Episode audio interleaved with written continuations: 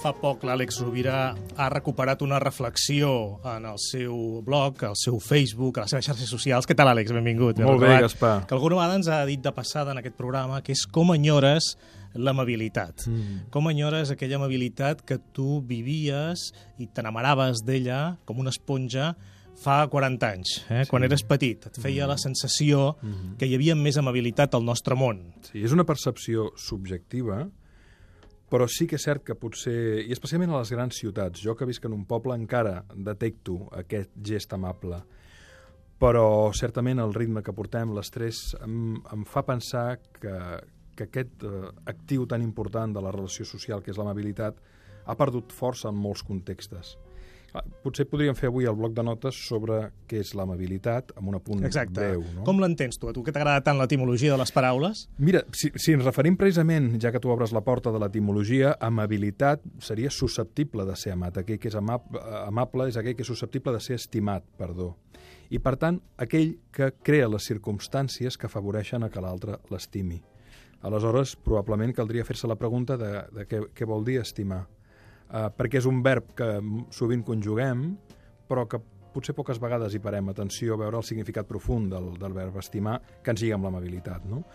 I estimar, m'agradaria definir-ho així, que saps que això que fem anem sense guió i, i són converses que tu planteges i que, i que anem Efectivament. creant Vet aquí la gràcia, no? Sí, espontàniament, amb aquest ritme de jazz que ens acompanya sempre en aquesta secció, probablement estimar a un nivell mental o cognitiu és la voluntat de comprendre. No té sentit que tu diguis que estimes algú, sinó fas l'esforç o la voluntat o la intenció de comprendre. Això vol dir l'escolta activa, la presència atenta, la disposició d'ànim, però també de ment per comprendre, la voluntat de comprendre. Estimar també, a un nivell comportamental, és cuidar. Jo crec que és un sinònim directe. Qui estima, cuida.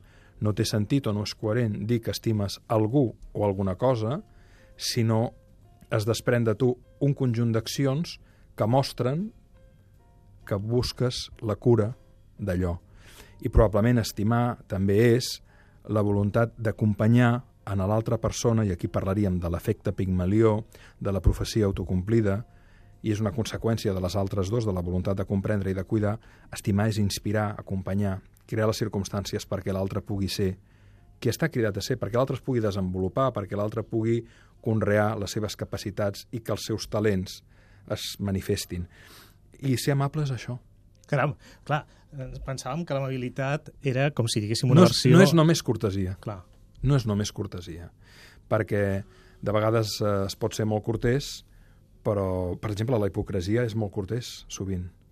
L'amabilitat és la conjugació del verb estimar eh, amb tota la seva potència. I per això anem a l'etimologia, no? L'amabilitat ben entesa fa que aquell que es dona a l'altre creï les circumstàncies per ser veritablement estimat.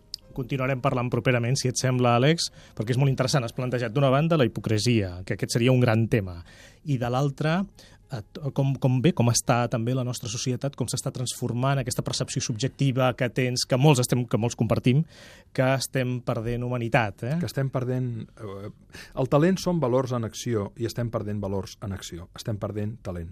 Continuarem parlant. Moltes gràcies, Àlex. Moltes gràcies. Els oients també, moltes gràcies. Una forta abraçada.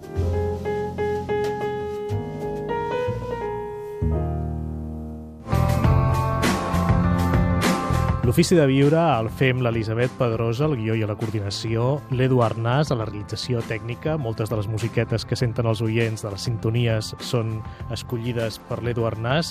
El fem més de 50 col·laboradors, psicòlegs, filòsofs i sobretot el feu vosaltres, els oients.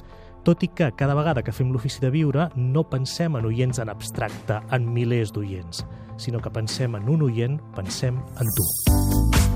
Soc Àlex Rovira i aquests són els principis de l'ofici de viure. Humilitat, prosperitat, consciència i amor. Feu podcasting allà on aneu amb l'Ofici de Viure. Al web catradio.cat teniu tots els Ofici de Viure mesos a la vostra disposició per escoltar sempre que vulgueu. L'ofici de viure amb Gaspar Hernández. Un programa sobre conducta humana